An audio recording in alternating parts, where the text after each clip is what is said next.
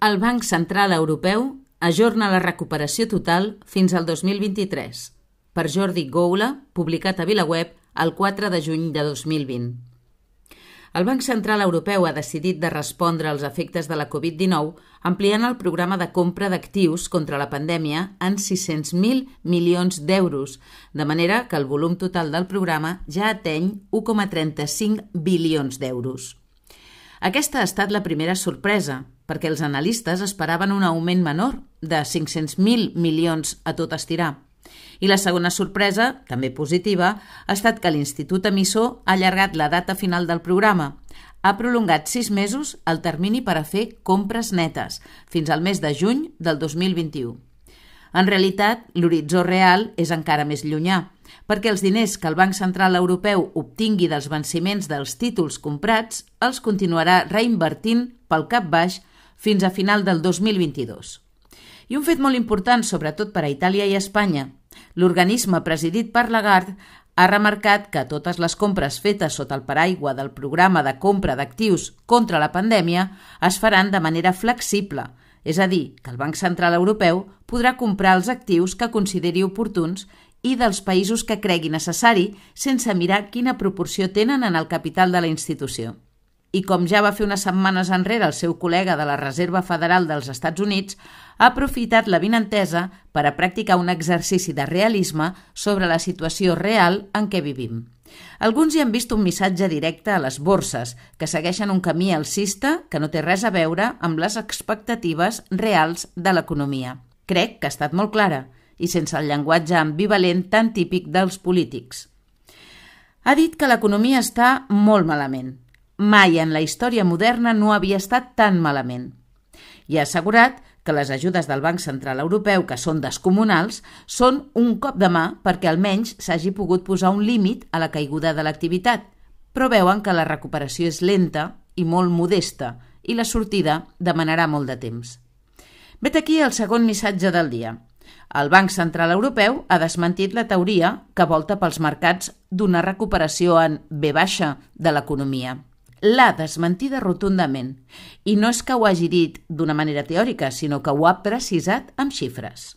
Així, el deteriorament del PIB estimat d'enguany serà del 8,7% i només es recuperarà en part l'any que ve, més 5,2%, i ni tan sols a la fi del 2022, més 3,3%, no s'haurà recuperat del tot.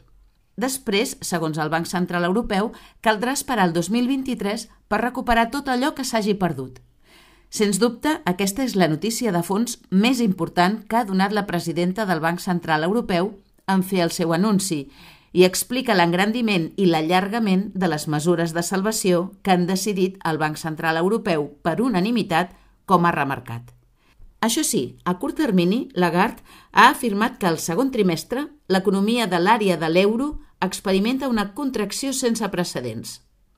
Hi ha hagut una abrupta caiguda de l'activitat econòmica, ha dit, de resultes de la pandèmia del coronavirus i de les mesures adoptades per contenir-la i ha afegit que l'abast de la contracció i la recuperació dependran de la durada i l'eficàcia de les mesures de contenció, de l'èxit de les polítiques per a mitigar l'impacte advers sobre els ingressos i l'ocupació i de la mesura en què la capacitat de l'oferta i la demanda internes es vegin permanentment afectades.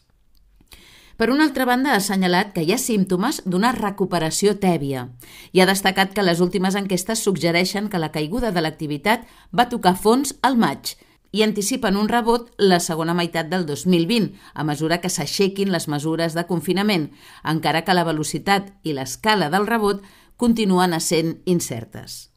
Les reaccions a la decisió del Banc Central Europeu han estat immediates als mercats de valors. Per una banda, han saludat positivament les mesures, però immediatament han canviat la tendència i han tendit a la baixa en vista de la gravetat de la situació descrita. En canvi, la prima de risc espanyola ha experimentat un descens important, que l'ha portat als 88,3 punts bàsics.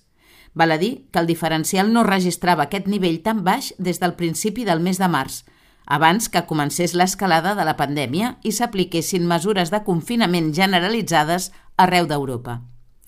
Respecte de dos punts capdals, però col·laterals, ha fet comentaris positius, però sense entrar-hi a fons, quan el Fons de Recuperació ha dit que és ara per ara una proposta.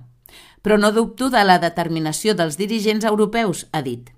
Probablement encara no sabia que Finlàndia havia expressat l'oposició al fons aquesta tarda i que a Alemanya ja hi havia protestes en alguns mitjans de comunicació per a criticar la seva permissivitat excessiva. Sobre l'oposició del Tribunal Constitucional alemany ha insistit en allò que ja havia dit fa dies. El Banc Central Europeu és sota la jurisdicció dels tribunals de la Unió Europea. El Tribunal alemany ha demanat explicacions al Bundesbank i al Parlament alemany, però nosaltres seguim les directrius dels tribunals de la Unió Europea. Confiem en la primacia dels tribunals europeus. A més, analitzem l'efectivitat, l'impacte i la relació cost-benefici de tot el nostre paquet de mesures, cosa que es reflectirà en els comptes. En definitiva, la bona notícia és que el Banc Central Europeu ha pres la decisió de salvar tot allò que pugui del desastre de la crisi europea a còpia de posar sobre la taula els diners que calguin, comptant amb la col·laboració, fins ara més aviat minsa, per no dir nula, de la Comissió Europea amb les polítiques fiscals. De qualsevol manera, cal agrair la iniciativa de Lagarde amb una fermesa que hom no esperava, sobretot després de la patinada del dia de la seva estrena, Itàlia i Espanya són els estats més beneficiats de la decisió del Banc Central Europeu. Ara cal que ho sàpiguen aprofitar.